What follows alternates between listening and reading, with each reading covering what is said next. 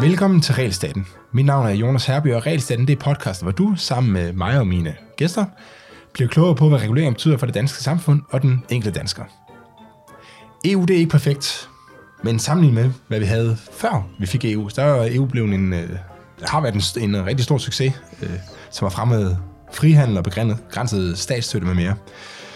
Men som alle andre organisationer, så har EU også sit øh, eget liv og sine egne ønsker for fremtiden, og de stemmer ikke altid overens med, hvad medlemmerne af sådan en organisation de, øh, de ønsker. Og det er det, vi skal snakke lidt om i dag. Øh, den her evige fare for, at EU bevæger sig i en retning, som egentlig ikke er det, vi, øh, vi ønskede med EU. Øh, både som både Danmark generelt, og måske specielt øh, en liberal tænketank som, som vores. Og for at blive klogere på det, så har vi i dag besøg af min kollega, også Brøns Petersen, til en debat om, hvad EU var og hvad EU er, og hvor EU måske bevæger sig, bevæger sig hen, hvis ikke vi passer på. Velkommen til, Otto. Mange tak. Otto, vil du ikke lige starte med at introducere dig selv for, for lytterne?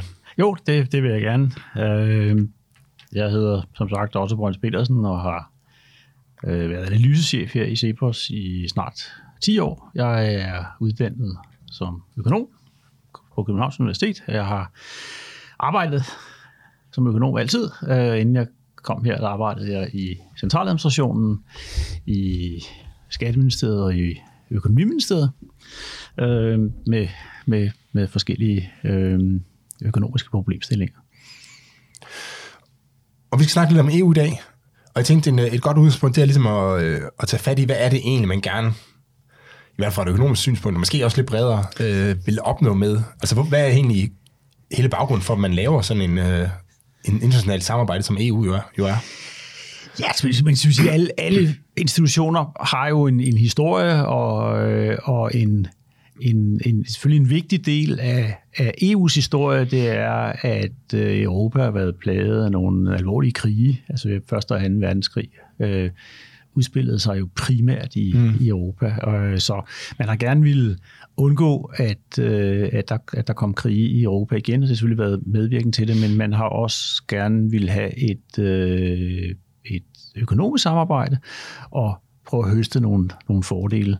Øhm, og sige, Europa er jo karakteriseret ved, at vi er mange forskellige stater. Og øh, så der har jo været den udfordring, at øh, fordi vi er forskellige, jamen, så er der også, så bør der være et forum for, at man kan samarbejde og, og, og, og gennemføre nogle ting, som er til fordel for, for os alle sammen. Mm. Øh, og det, det, har jo, den, det er jo den klub EU har været. Og så må man jo også sige, at der har været vidt forskellige interesser øh, bag EU. Der er nogen, der har fra starten gerne ville have øh, i virkeligheden, at vi fik en øh, EU's forenede stater, altså lavet noget, der lignede USA, øh, og øh, der, der er nogen, der gerne ville have, at det skulle være øh, det, man måske i dag kalder fædrelandenes Europa, altså samarbejde mellem stater. Øh, og, og der har der er ikke fra starten øh, kunne være helt enighed om, hvad man, man skulle, men man har jo lagt ind i traktaten, at der, der står det her med, at man skal have en stadig tættere union. Øh, og det er der nogen, der har, har set som, som, som mening med EU. Det skulle være sådan en rejse, som man kalder det på nudansk, mod, mod noget, der ender med at blive EU's, øh, Europas forenede stater. Men man kan altså også sagtens se det som et, et gunstigt samarbejde mellem lande, som er forskellige. Og sådan er det vel med rigtig mange af sådan nogle tekster, at de øh, bliver skrevet, så man kan, kan tage den fortolkning ud af det, som man selv har, ja, lyst til, man siger, ikke? Ja, og så er det jo et kompromis. ja, ja. Men skal vi ikke øh, snakke lidt om sådan nogle, der er jo nogle, altså sådan som jeg bedst kender EU, øh, som jeg lærte, det, nej, måske ikke bedst kender, men sådan som jeg oprindeligt lærte EU at kende, der, der handler det rigtig meget om frihandel, så måske skulle vi tage, start, tage hul i den til at starte med. Hvad er, hvad er sådan basale argumenter for, eller hvad, hvad er EU's rolle i frihandel, øh, kan man måske sige?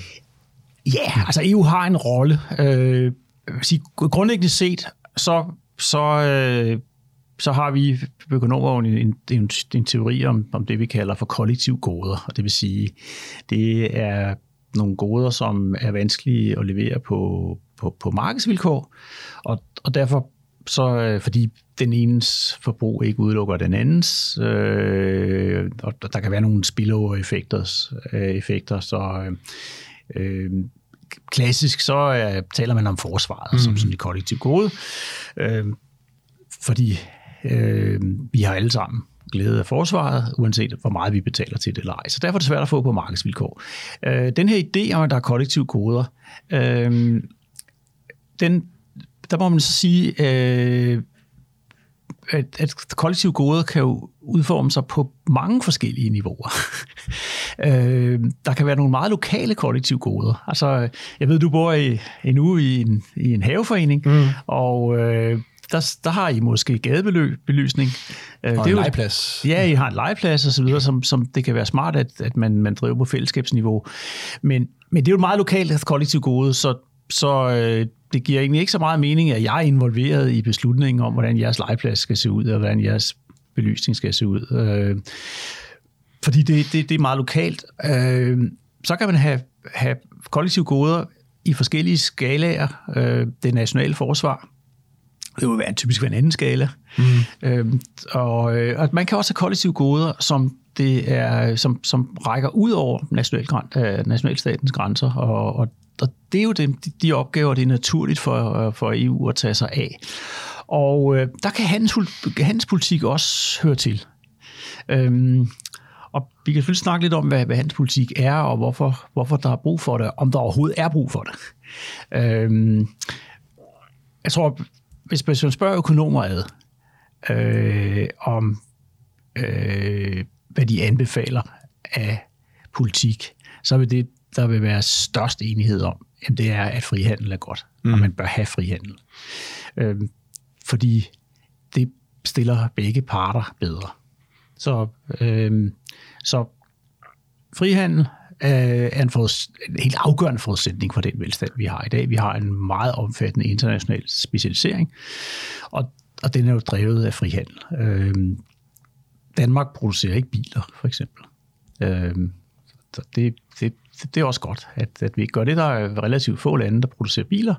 Men fordi der er frihandel, så er der jo konkurrence, masser af konkurrence på bilmarkedet blandt øh, relativt få, få aktører. Så, så vi har fordel af, at vi kan handle indbyrdes. Så fordelen er egentlig som udgangspunkt så store, at landene bare burde lukke, altså de burde have en interesse i at lukke deres, øh, deres, mm. deres grænser op og bedrive frihandel med andre. Og den måde, vi kom til at få frihandel i Europa på, det var også ved at, primært ved, at englænderne de besluttede sig for øh, unilateralt at hæve deres handelsbegrænsninger på at importere korn til England der i, i, i, i starten af 1800-tallet. Øh, og det banede så vejen for, at man, man fik frihandel. Men øh, ofte vil, øh, altså vil sige, så egentlig burde, burde handelspolitik være, burde være en total no-brainer. At alle lande burde have en interesse i bare at lukke op for frihandel. Ja, fordi, begge, fordi begge lande i bund og grund, altså gennemsnit, bliver mere velstående af at så handle med hinanden. Ja. Men der kan jo godt være nogen inden for det enkelte land, som taber på.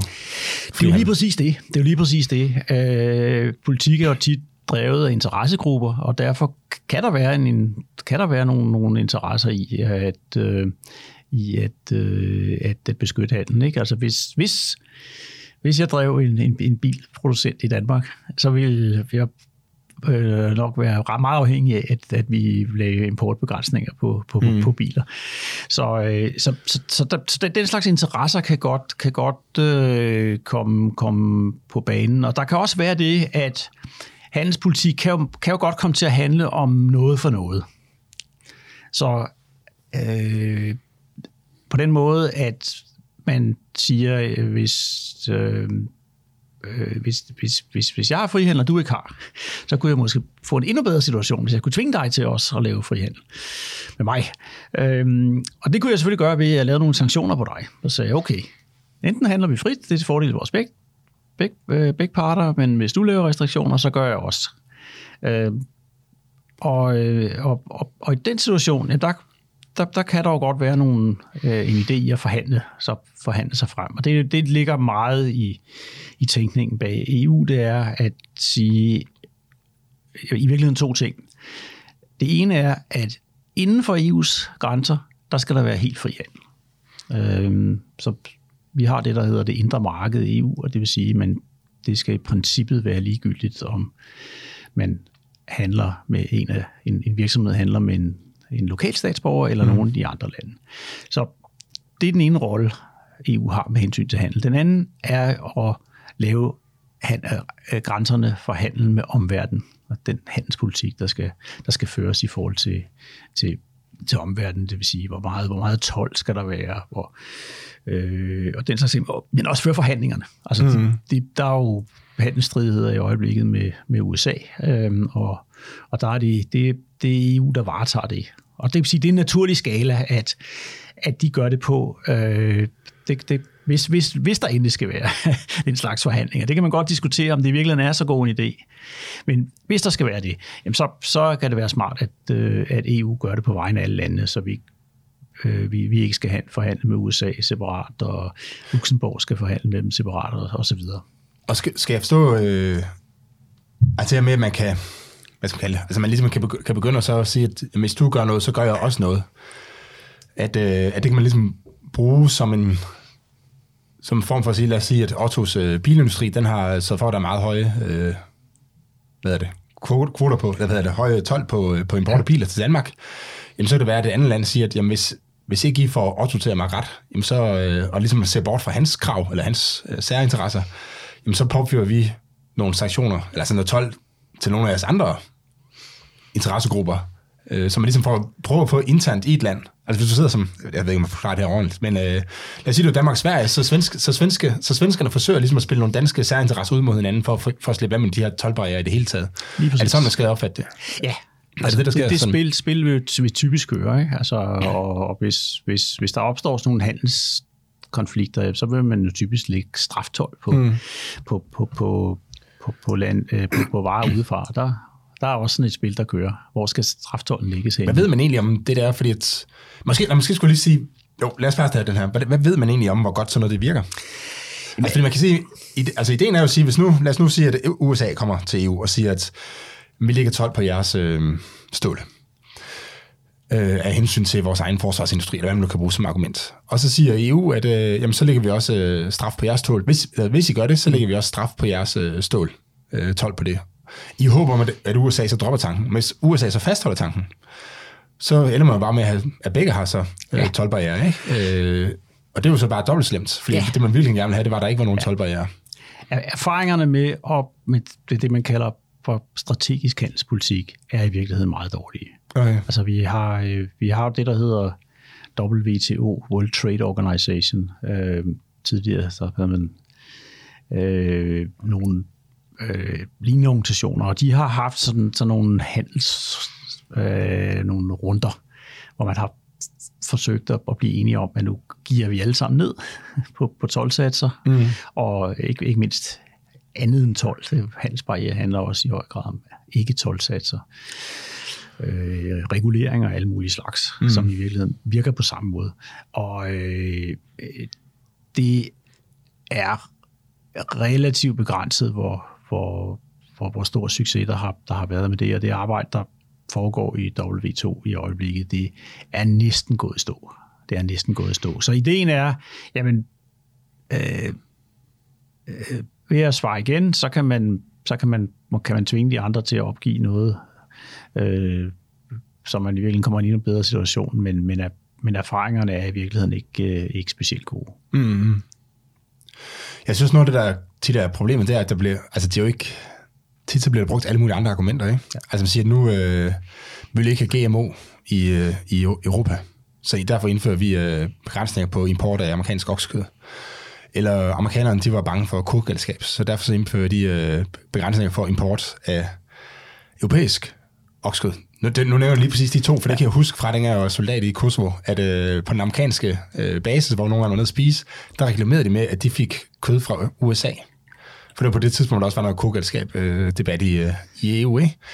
Øh, mens hvis man var i... Øh, Altså hvis man var i Danmark, så var der reklamer for, at det her det var ikke kød fra USA, det var europæisk kød, ikke? fordi de brugte GMO'er, øh, eller hvad det nu var på det tidspunkt, jeg kan huske præcis, hvad det var vel.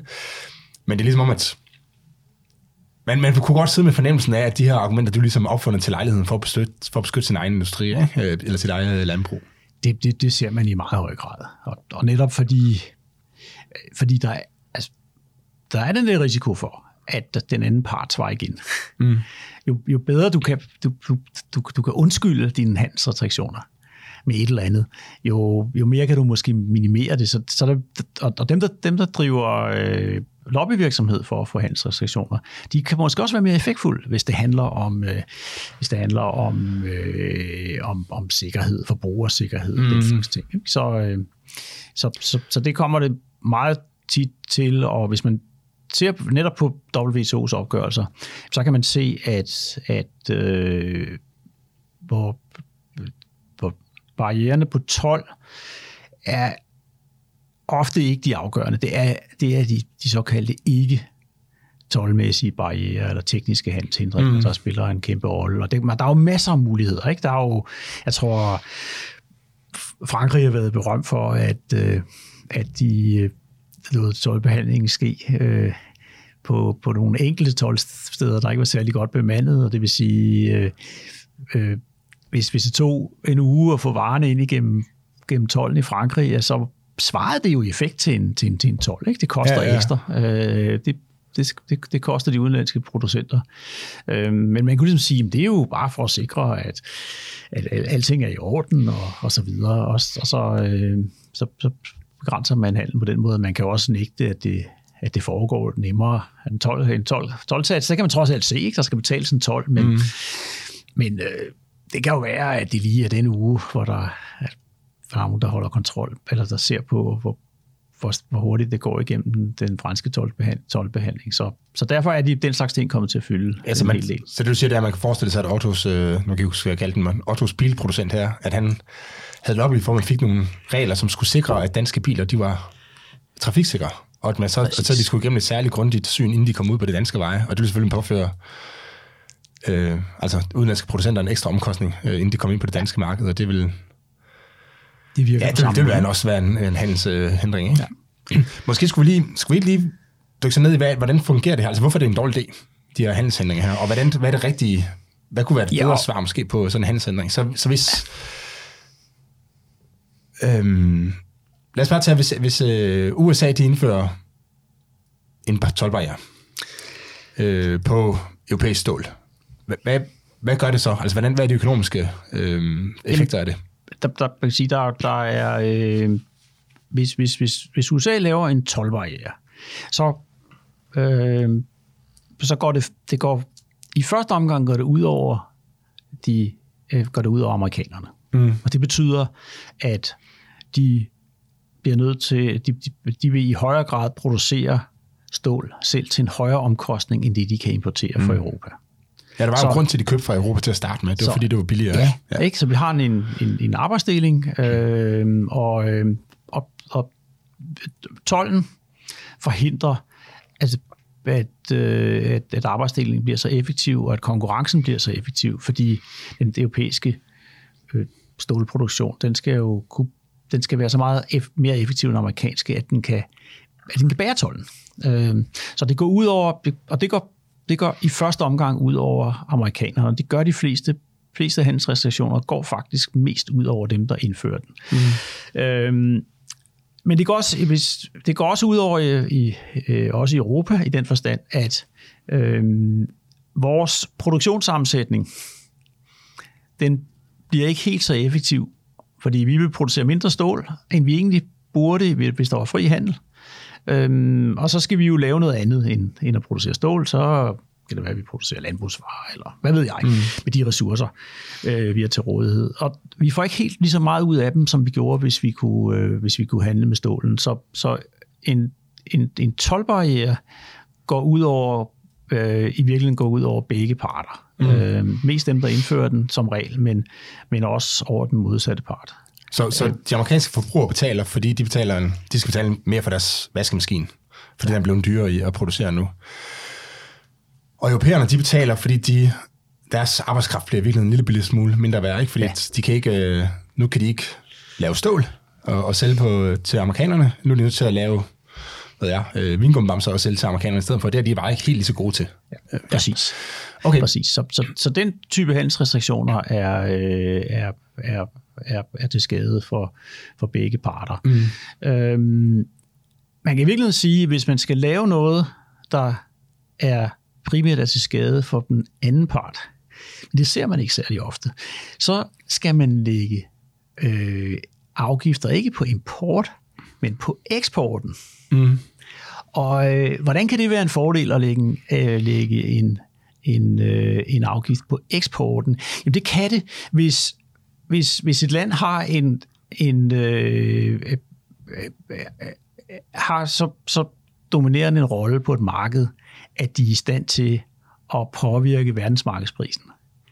Øh, sige, hvis, øh, så, så, så, så, så kan man virkelig godt opnå det med eksportafgiften, at man for, ligesom får skaffet kartel mm. af ens øh, nationale producenter, som kan drive prisen op.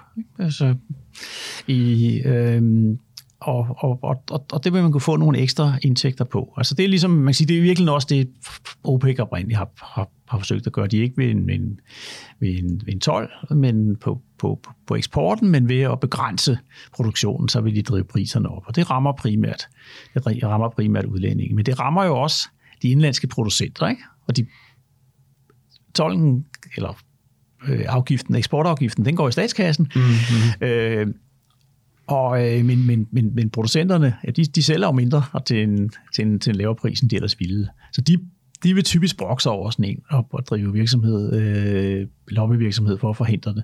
Så derfor ser man ikke så ofte det. Det er mere på importsiden, man ser det. Der, har, der er incitamentet hos de, de, de lokale lobbyister, det er omvendt. Mm. Øh, så og hvad, hvad med statsstøtte? Skal vi også lige runde den her? Ja, det skal vi nemlig, fordi og det, er jo, det er jo det, der er...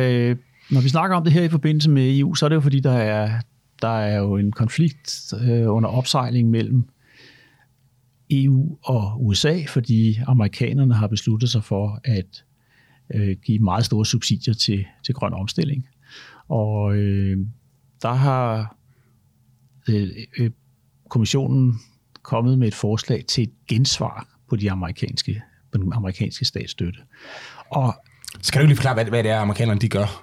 Ja, det, de, for at få det på plads. De, de, de gør det, de siger, man, hvis, hvis man øh, fremstiller øh, vedvarende energi, eller hvis man fremstiller grønne produkter, for eksempel øh, elbiler, så, så får man nogle statstilskud, eller man får nogle skattefordele. Men de er så bundet op på, at man gør det i USA. Øh, Mm. Og så, så på den måde kan man sige, der øh, det, det er sådan et forsøg på at holde produktionen i, i, i, i USA. Øh, men realiteten er, at det jo rammer amerikanerne selv på den måde, at, at øh, når de giver statsstøtte til nogle produkter, så betyder det, at så kan vi købe dem billigere. Så i virkeligheden, så gør amerikanerne, de gør jo ikke, de, de gør den grønne omstilling i Europa billigere, de gør den unødigt dyre i USA, fordi hvis ikke de brugte statsstøtte, så ville den være meget mere effektiv. Men, øh, men, men vi får glæde af det, fordi vi kan importere de grønne produkter billigere, og så kan vi jo altså, så kan vi sælge noget andet til amerikanerne. Så, stat, så staten i USA, er den uafhængig af, om de sælger det i USA, eller om de sælger det i, øh, altså uden ja. for USA?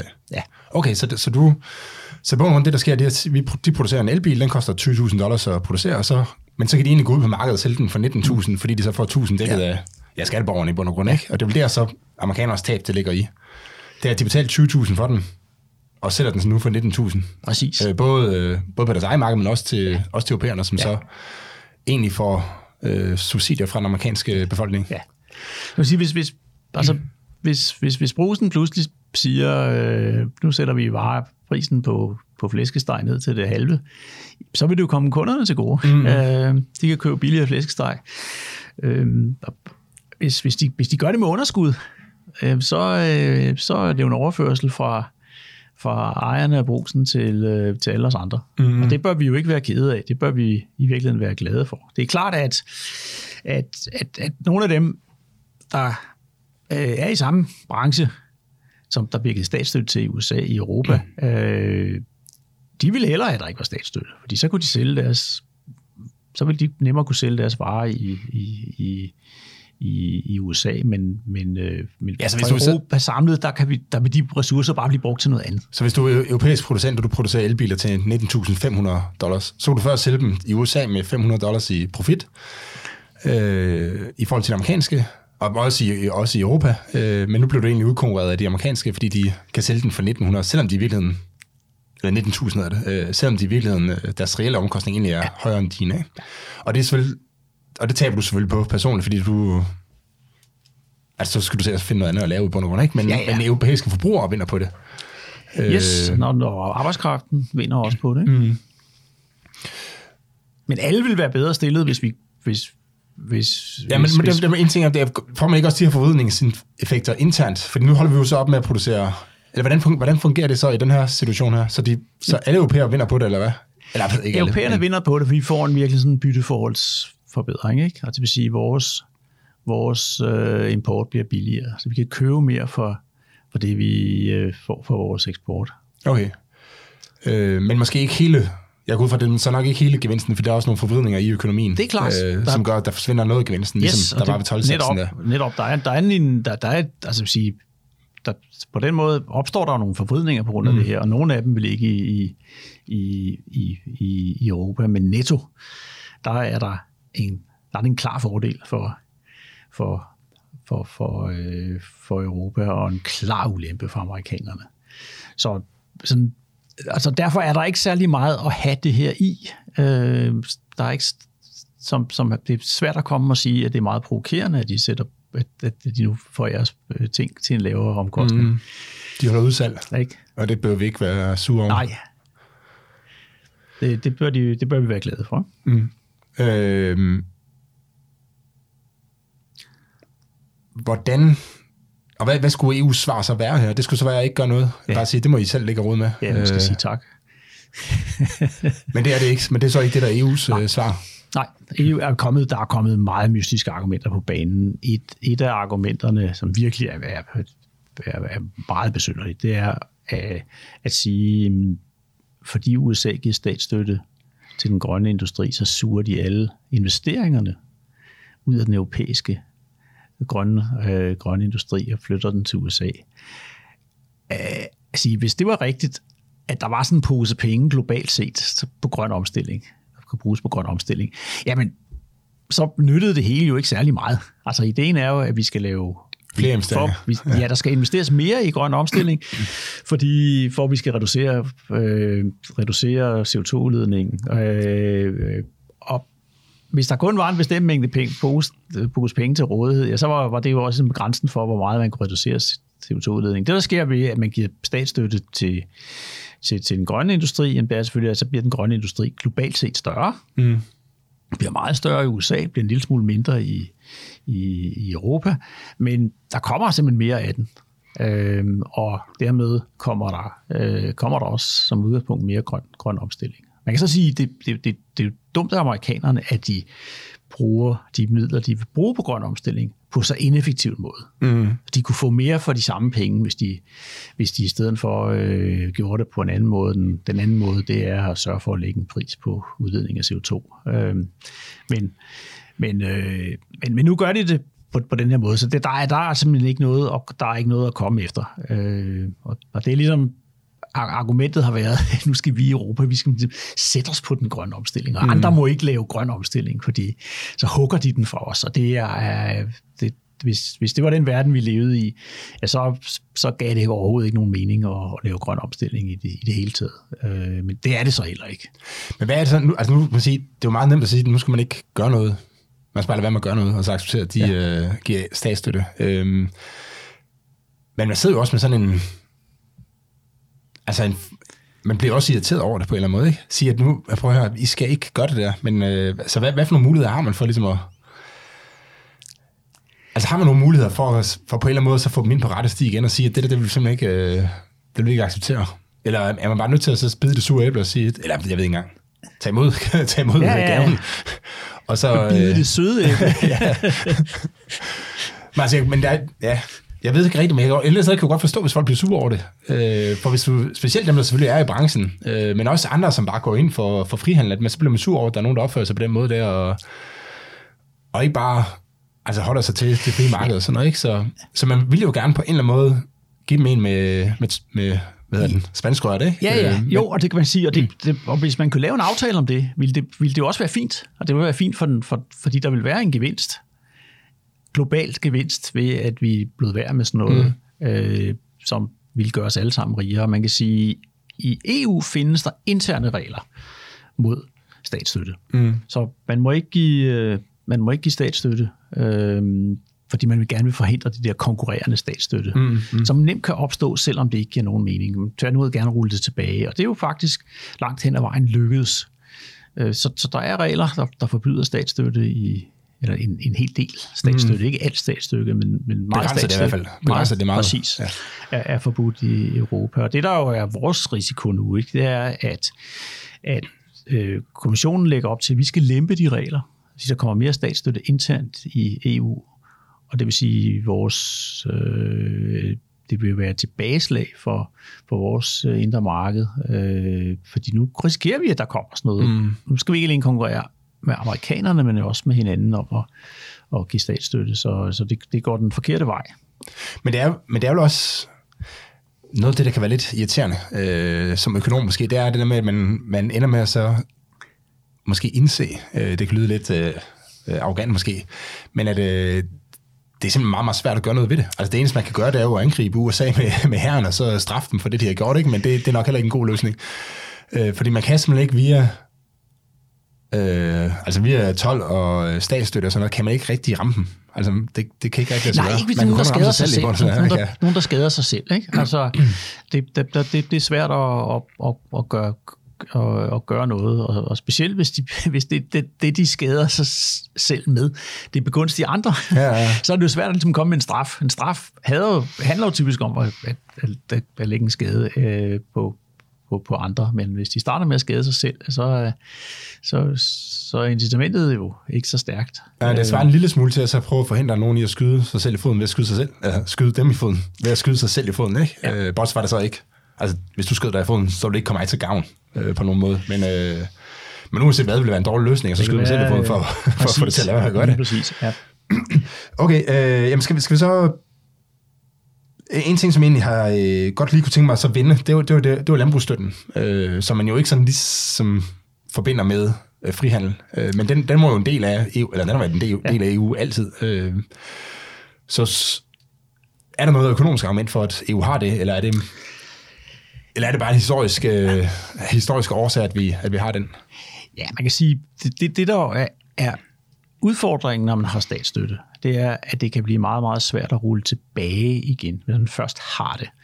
Øhm, og så jo mere statsstøtte man giver, jo mere vil man have virksomheder, som overlever i kraft af statsstøtte. Mm. Øhm, og øh, og det, det, det er klart, at hvis din forretningsmodel er at få statsstøtte, så, så vil du kæmpe som så, så, øh, alt det, du kan for at mm. bevare statsstøtten. Øhm, og, ja, man kan sige det på den måde, hvis du hvis det koster dig, lad os bare sige tal, 1 øh, milliard kroner, at statsstøtten den bliver fjernet, jamen så har du, så hvis der er risiko for, at den bliver fjernet, så har du i virkeligheden altså 1 milliard kroner at købe lobbyist for, ja, øh, i, i forhold til at så undgå, at den her statsstøtte bliver fjernet. Ikke? Ja, øh, fordi det, ja, hvis du kan bruge milliarder, så den, du undgår det, så går det ind i nul for dig. Ikke? Præcis, og derfor, derfor kan det være svært at rulle tilbage, og, og på landbrugsområdet er det ekstra svært, fordi øh, støtten den bliver kapitaliseret i priserne på jord.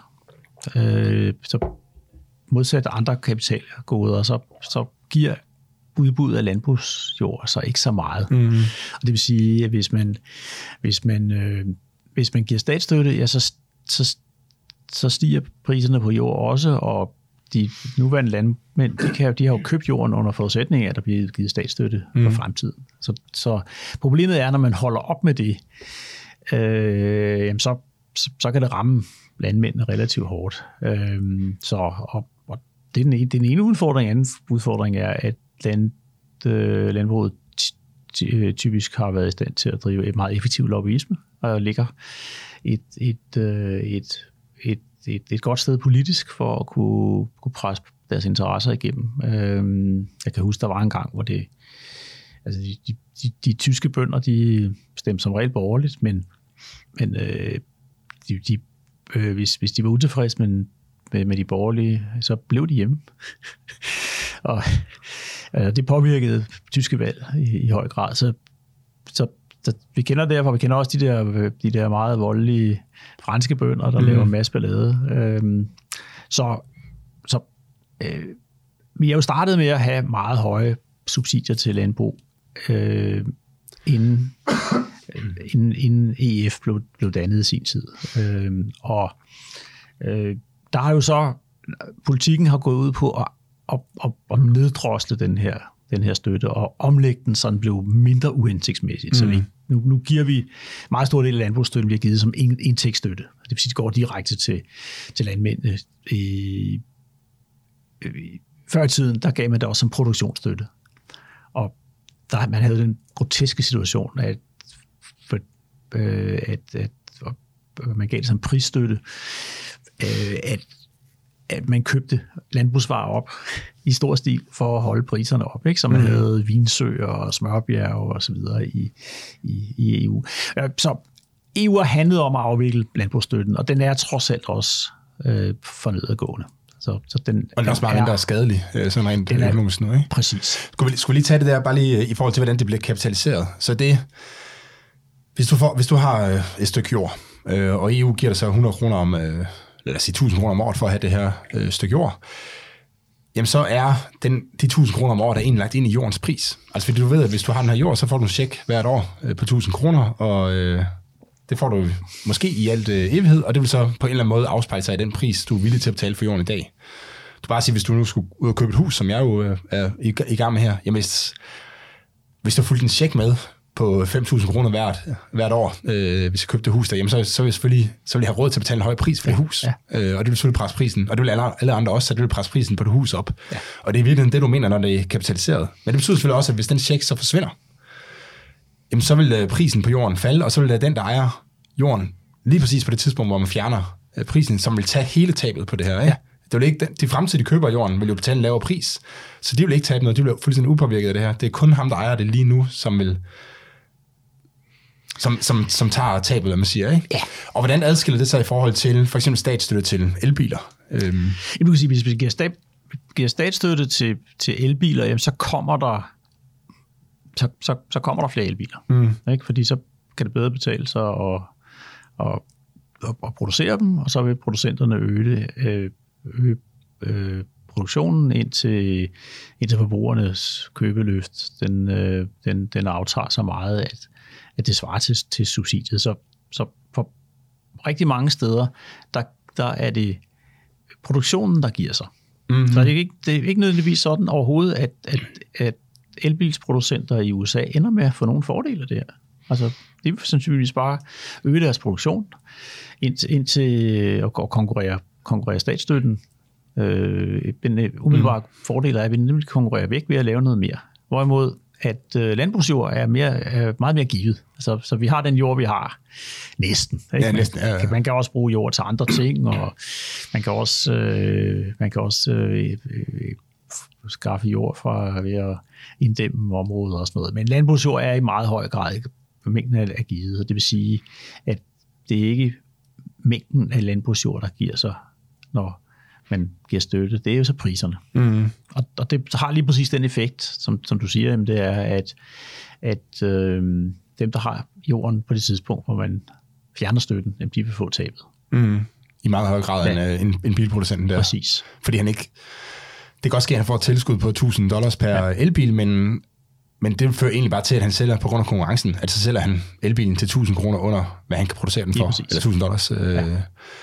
Så, så han har egentlig ikke nogen fortjeneste på den enkelte elbil. Det er klart, der vil være nogle omkostninger, fordi han har måske kapitalapparat og sådan noget, som bliver mindre værd, øh, hvis man fjerner det. Ikke? Ja. Men, men i meget mindre grad end, end landmanden her. Og derfor så er landbrugsstøtten sværere at fjerne. Fordi den har meget større ja. konsekvenser for dem, man fjerner den fra, ja. end øh, en, en anden form for landbrugsstøtte. Eller støtte, hedder det.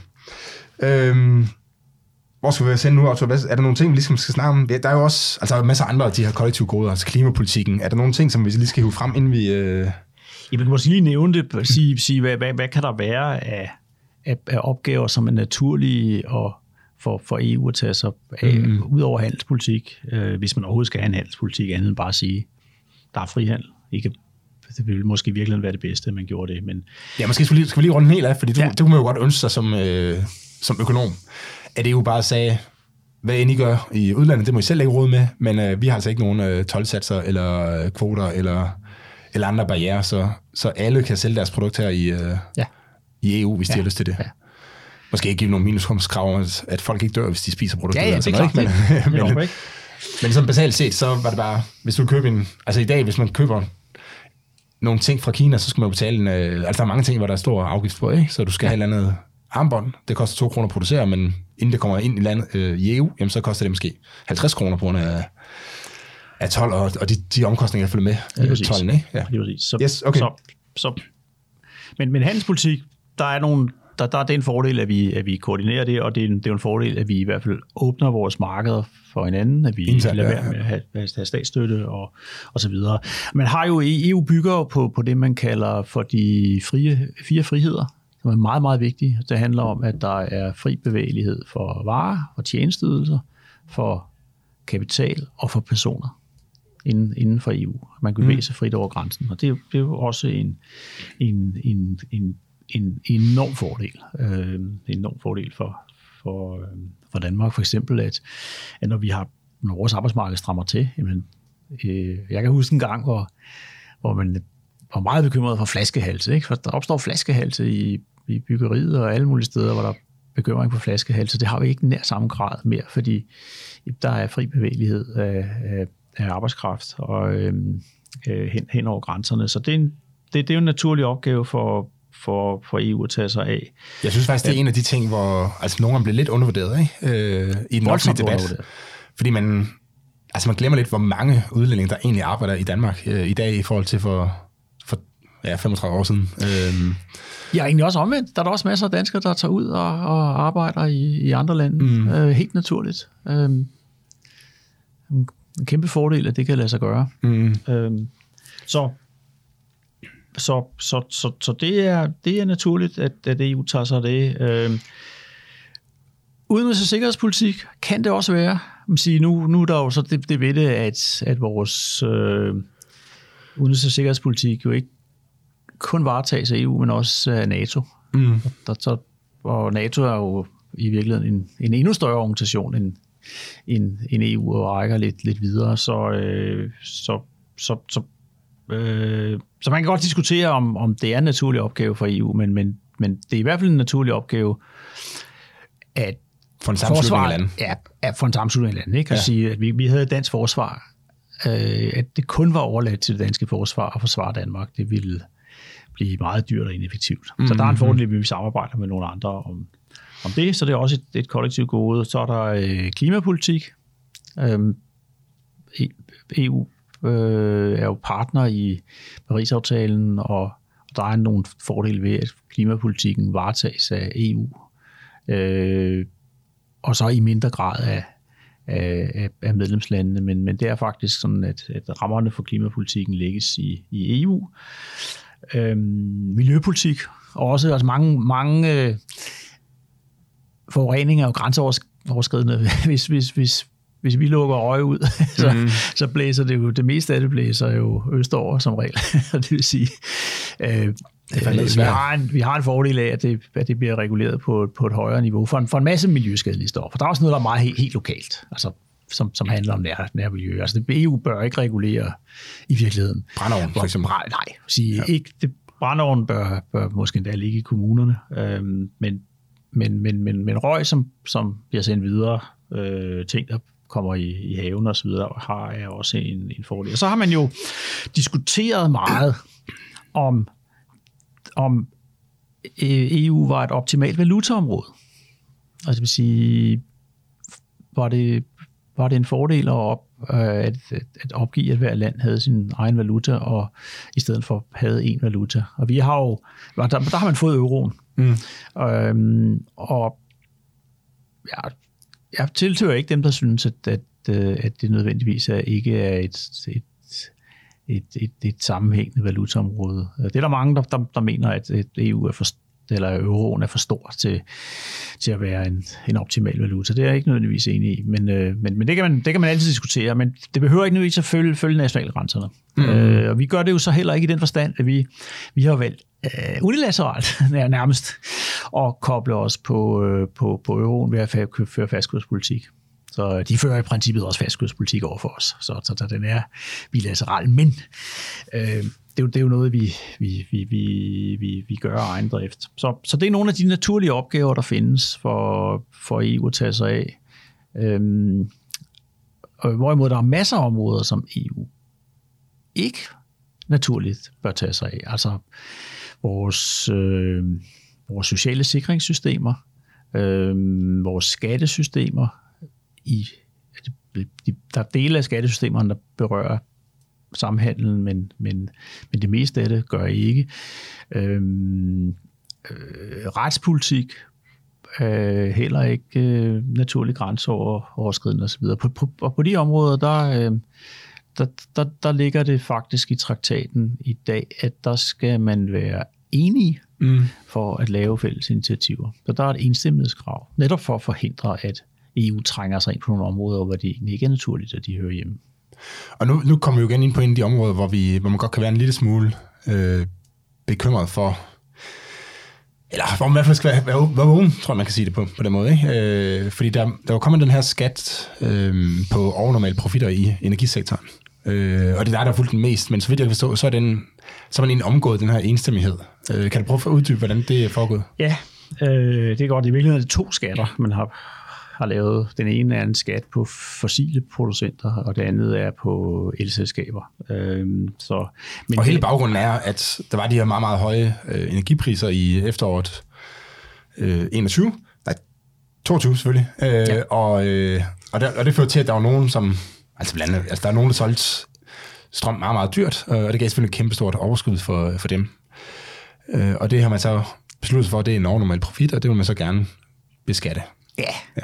Og det, er, ja, det ligner jo også, at EU har gerne ville have, have sådan en rolle, og øh, begynde at føre noget, det her er jo socialpolitik i den forstand, at, at det kommissionen, der kommer forslag, foreslog, det var, at landene de skulle indføre nogle skatter her, og så skulle de bruge pengene på sociale formål. Øh, og øh, når der er som, som, som sagt øh, et enstemmelseskrav. Øh, men der findes i traktaten, der findes en undtagelsesbestemmelse, som handler om øh, nødsituationer. Så øh, ved en pludselig opstået forsyningskrise, mm. så har man, øh, så har man øh, så har EU ret til at handle udenom enstemmelsesreglerne. Og det man jo har altså den, den stammer fra 70'erne, det man har haft i tankerne, det er, hvis, hvis pludselig, altså jeg vil sige, det at, at gassen til Tyskland blev afbrudt, det var en forsyningskrise.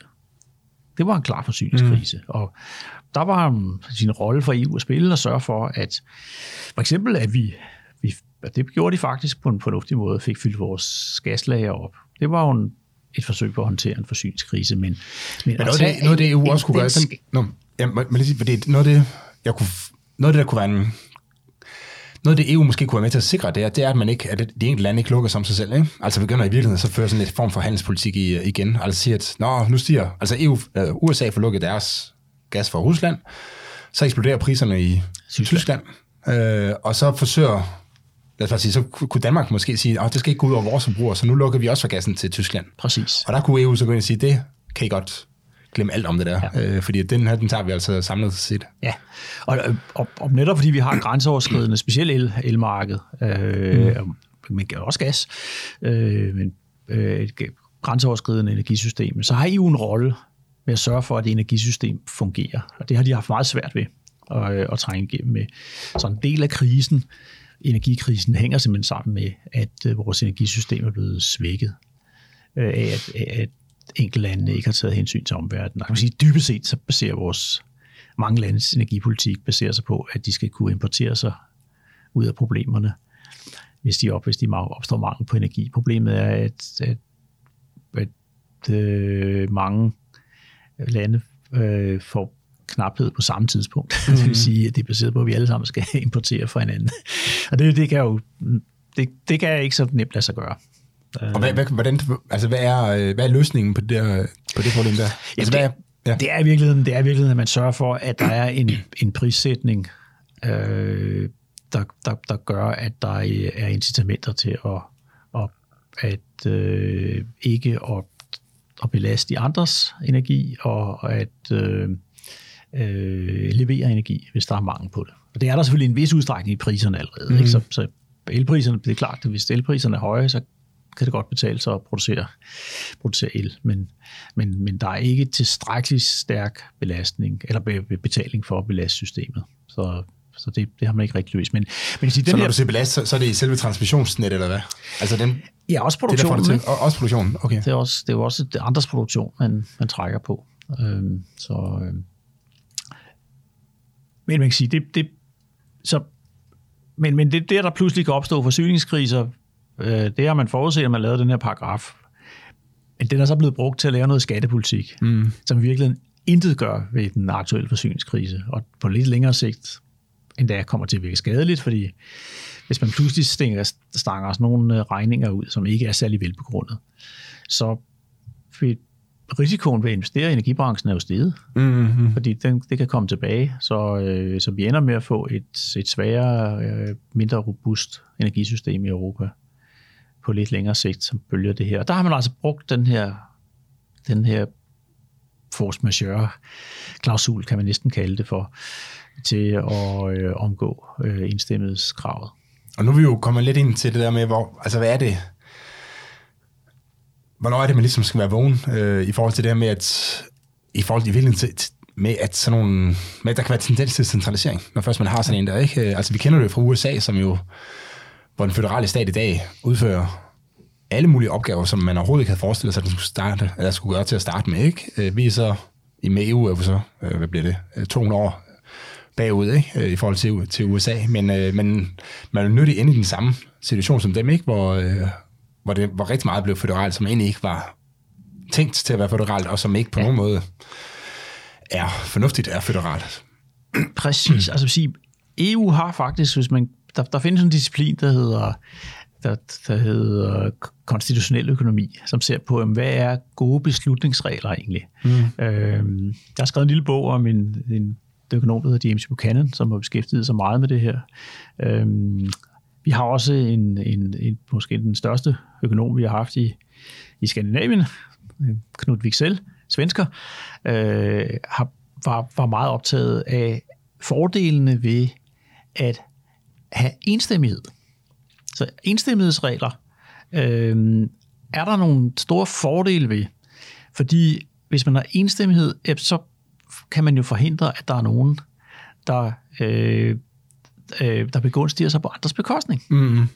Øh, hvis, hvis, hvis en beslutning ikke er til fordel for alle, jamen så udstyrer man jo alle med et, en vetoret, og så kan man sige nej. Det vil mm. sige, de gevinster, der er ved at lave noget i fællesskab, dem kan man sikre sig, øh, kommer alle til gode ved, at der er vetoret. Så det er virkelig et værn imod at træffe beslutninger, som øh, som ikke er økonomisk indsigtsmæssige, men som godt kan begunstige et, et, en, en, en, et, et flertal, men ikke nødvendigvis øh, alle. Mm.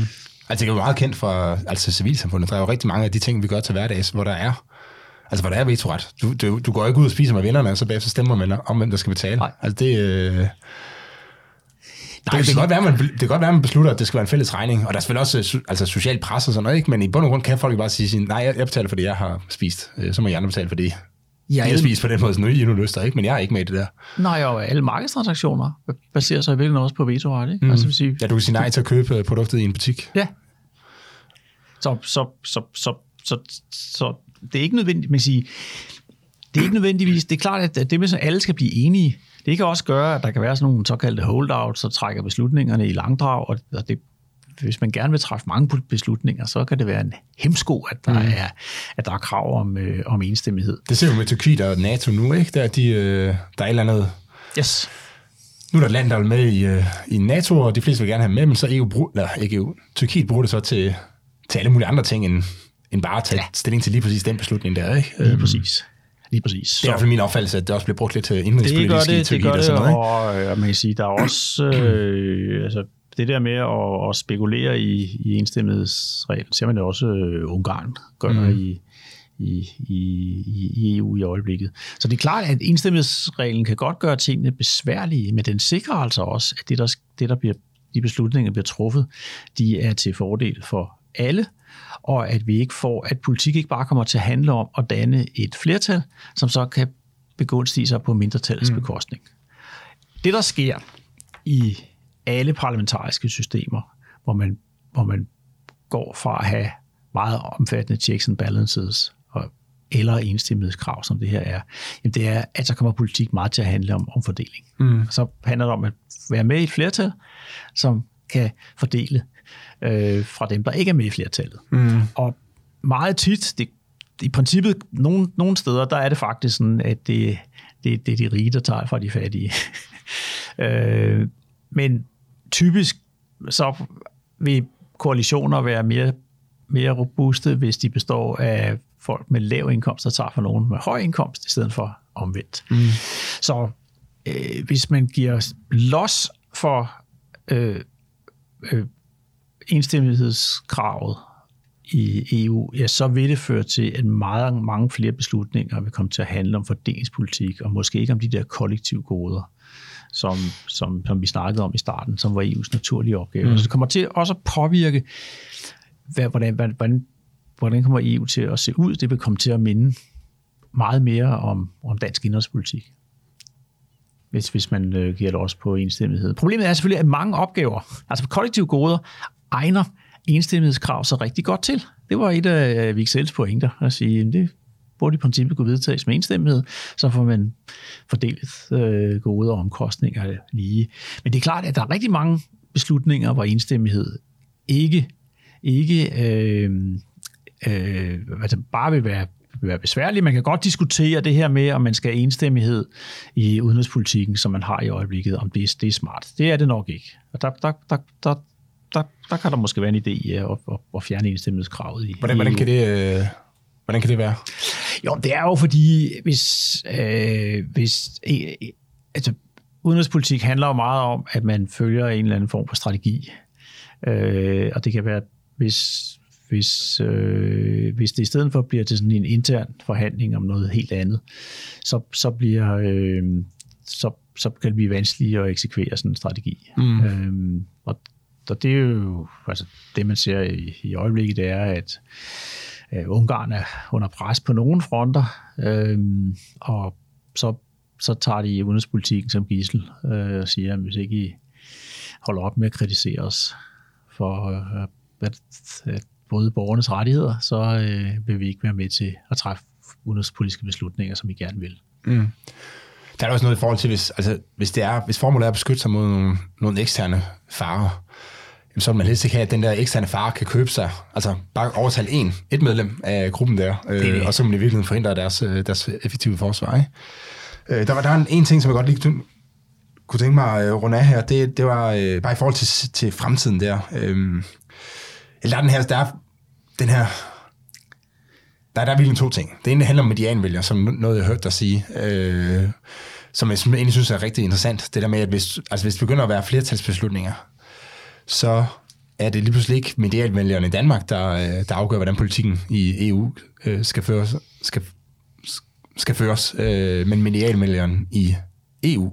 Ja. Og, og han ser altså meget, meget anderledes ud, end danskerne gør, ikke? På alle mulige øh, aspekter. Ja. Altså det kan både være, at han er mindre altså, liberal i forhold til andre øh, måder at leve sit liv på, end, end, det, end det klassiske. Altså i forhold til øh, homoseksuelle og... Øh, og, og de forskellige dagsordner, der er. Ikke? Øh, men det kan også være, at han, altså, det kan også være i forhold til statsstøtte, han er meget anderledes øh, indrettet. Ikke? Altså, der er jo mange, nogle lande, som er helt anderledes hugt på, på at bruge statsstøtte og, og, og have en stor stat, end danskerne er, og så videre. Ikke?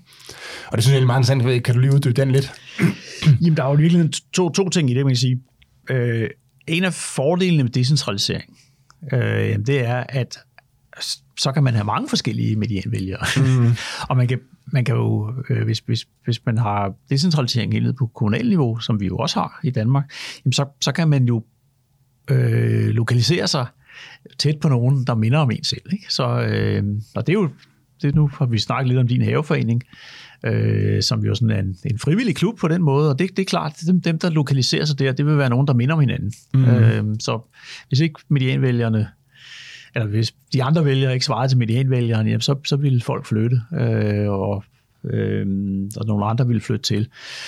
Hvor, hvorimod, så, så det er et argument for at have den her decentralisering, men der er jo så også det ved det, at du, hvis, du, hvis du befinder dig langt fra den, der er medianvælgeren, og, og du kun har én medianvælger i Europa, ikke? Hvis, hvis nu alt var centraliseret i Bryssel, så ville det være, ville det, så at sige, være medianvælgeren i, i EU, som ville være, ville være mm. afgørende for beslutningerne.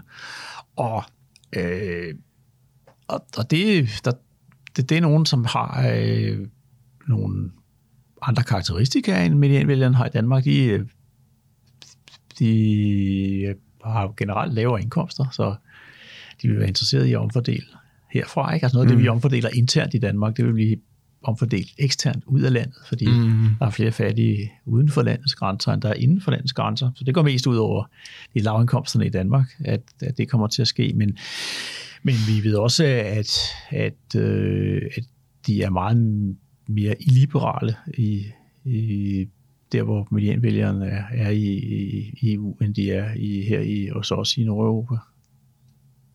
Ja, jeg synes i hvert fald, det er ret, øh, det er ret eller meget vigtig indsigt at have, altså i det her med, at hvis du har enstemmighed, jamen så vil det være en dansker, der kan sidde og sige nej til, hvad der skal ske, ikke? Men hvis du, øh, hvis du har flertalsbeslutninger, jamen så bliver det en eller anden, jeg ved ikke, hvor, hvor marginalen, det kommer sikkert også på, hvilken politik der man diskuterer om, men i princippet kan det jo være en i, øh, i Italien eller i Ungarn eller sådan noget, der ender med at skulle sidde og være vægten på, øh, på stemmeskålen der. Og, ja. det, og der er mange situationer, hvor man ikke synes, hvor det, det ikke nødvendigvis vil være en god idé. Øh, for sikkert en god idé for den medianvælger, men ikke en god idé for, øh, for os, der sidder her i Danmark. Ikke? Øh, så, det, så det bør vi bekæmpe. De kan have andre synspunkter, og de kan have andre interesser. Jeg tror også lige, til, bare til slut af med, i forhold til, hvor, øh, altså hvad det er, hvorfor det er vigtigt at bekymre sig om det her. Øh, så synes jeg, at den har godt været fortalt en gang før i det her podcast her, den historie der. Men den her historie fra, altså hvordan de her regler, de kan blive, jeg tror godt, man kan tillade sig at sige misbrugt af øh, den centrale øh, magt. Du nævnte den og jeg tror, du måske havde hørt den i podcast, men du har hørt den andet sted, så lad os bare tage den en gang til, bare lige til at slutte af på. Øhm, kan, du, kan du fortælle den?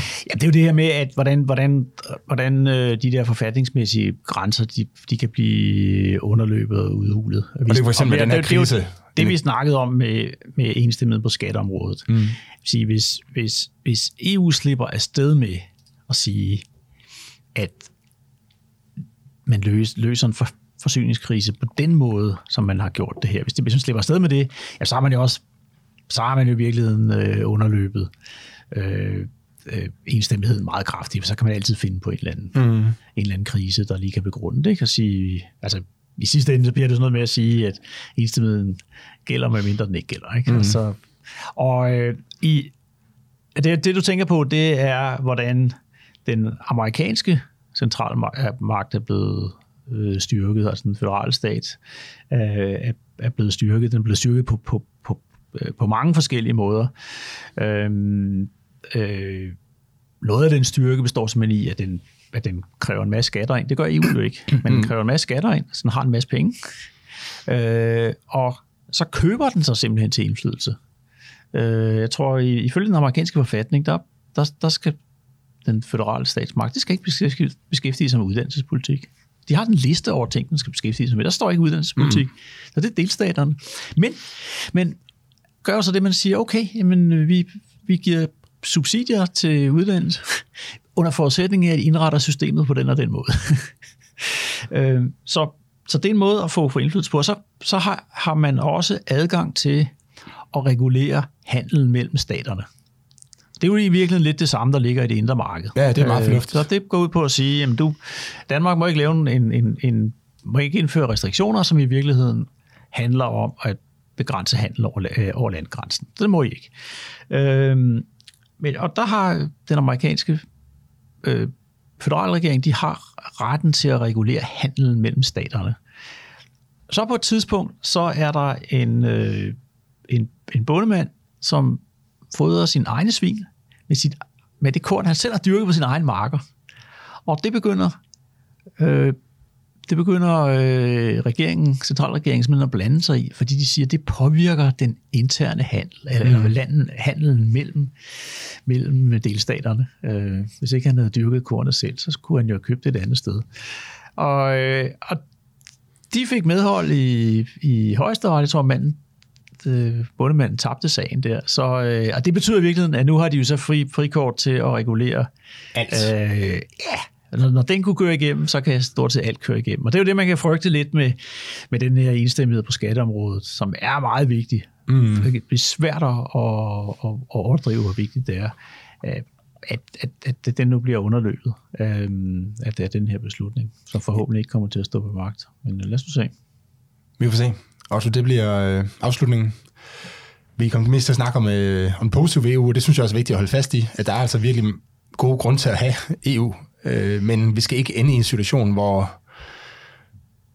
hvor man begynder at regulere en eller anden bundemands øh, produktion af, af korn øh, fra EU for at, kunne, øh, for at kunne regulere alt i bund og grund, som vi har set i USA. Det, det, det er en rigtig god pointe. Sådan, vi, vi, har, vi har store fordele for EU, som vi måske ikke helt indser mm. nok.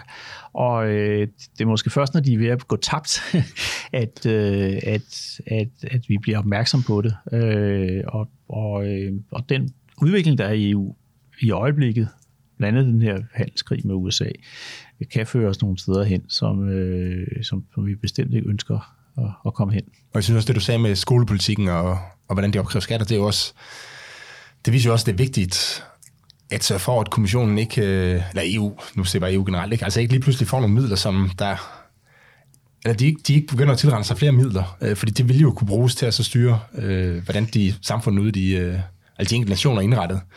Fordi man ikke kan bruge dem på netop på den måde, som du siger, ikke? At sige, at jamen, I kan kun få lov til, I kun få del de her penge, hvis I gør, som, som vi vil have. Øh, og så bliver man jo reguleret lidt af, af bagvejen, kan man sige. Ikke?